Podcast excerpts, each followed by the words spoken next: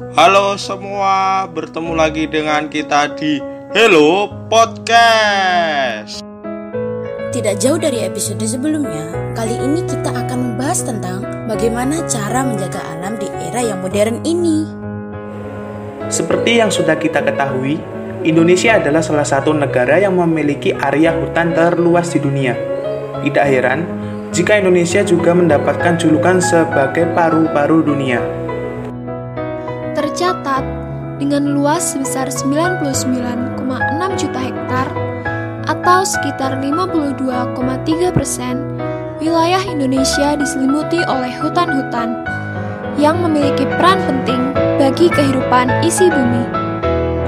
Selain menjadi paru-paru bumi, hutan secara umum juga dimanfaatkan sebagai tempat untuk menyerap karbon dan menghasilkan oksigen, penyedia pangan yang sehat, dan sebagai tempat penyimpanan air.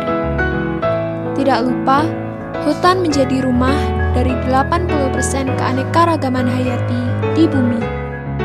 Beberapa orang dari zaman dulu memanfaatkan kayu pohon untuk dibuat kerajinan ataupun mebel.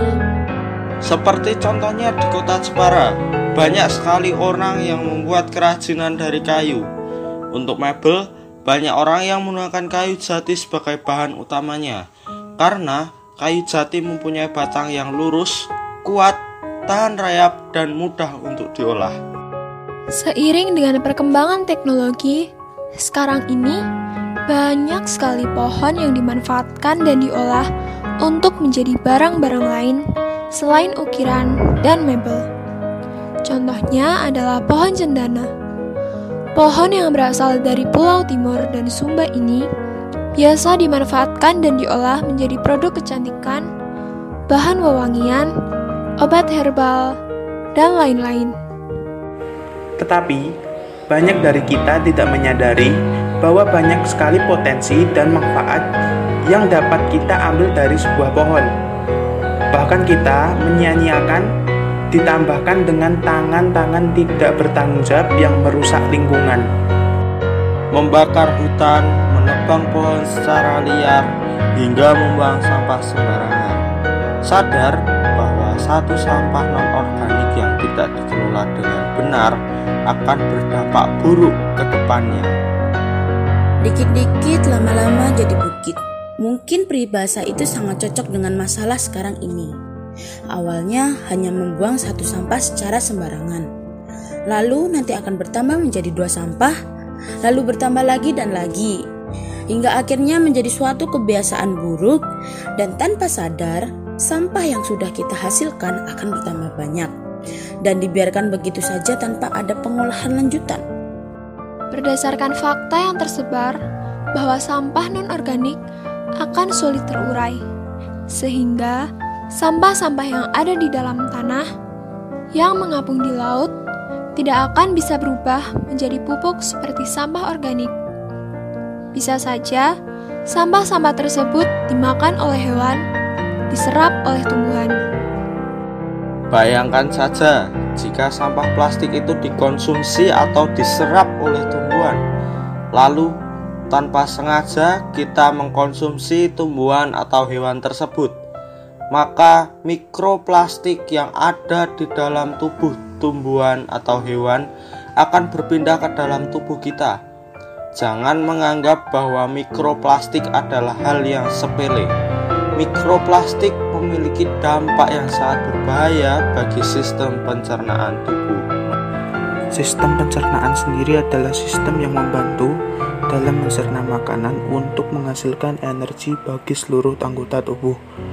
Makanan yang masuk ke dalam mulut akan melalui proses pencernaan yang digunakan untuk mengubah makanan tersebut menjadi energi, pada akhirnya melewati proses pembuangan melalui anus, dihasilkan berupa fases. Tentunya, dalam proses ini melewati beberapa organ pencernaan untuk mengolah makanan.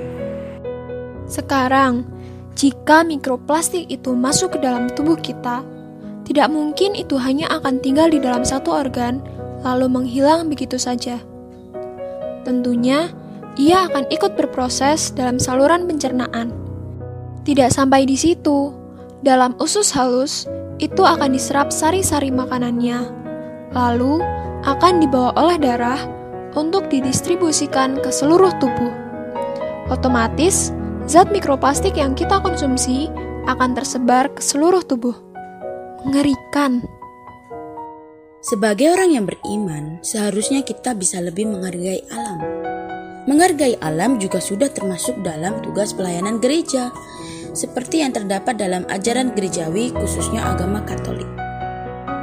Dalam ajaran Katolik terdapat lima tugas pelayanan gereja, yaitu liturgi, kerigma, koinonia, diakonia, dan martiria. Dalam hal menjaga lingkungan, kita termasuk ter dalam pelayanan materia. Kenapa? Karena kita telah bersaksi kepada masyarakat, kita juga menyebarkan semangat Kristiani kepada masyarakat untuk ikut serta dalam menjaga lingkungan. Berbicara tentang gereja Katolik, tentunya tidak akan terlepas dari bahasan hierarki dan awam. Hierarki sendiri memiliki tugas untuk memimpin atau lebih tepatnya melayani dan mempersatukan umat Allah. Dalam hal ini diharapkan hierarki tampil sebagai pelayan yang memimpin dan mempersatukan kaum awam, membimbing dan membina kaum awam untuk menjaga lingkungan melalui khotbahnya di dalam perayaan Ekaristi atau di dalam setiap tindakannya yang dapat memberikan contoh kepada kaum awam. Tidak harus melakukan kegiatan yang berat dalam menjaga dan menghargai lingkungan. Minimal dengan tidak membuang sampah sembarangan sudah termasuk menghargai alam.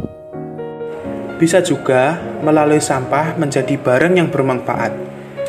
Terlebih, sekarang ini sudah banyak teknologi yang dapat membantu kita dalam beraktivitas, seperti membuat kerajinan sederhana tetapi bermanfaat.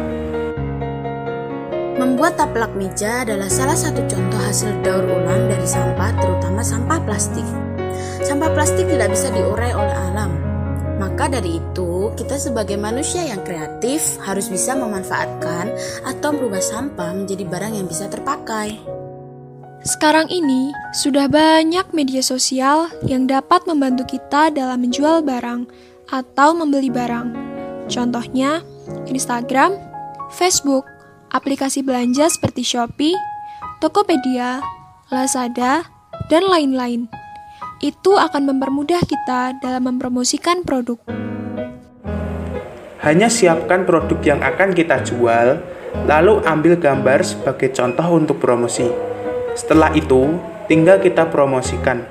Sama halnya jika kita akan menjual taplak meja dari plastik. Terlebih di masa sekarang ini, banyak sekali orang yang menghasilkan sampah. Kita dapat memanfaatkan sampah tersebut, kemudian kita ubah menjadi barang yang berguna dan bisa dipakai, lalu kita promosikan, bisa kita iklankan di Instagram, Facebook.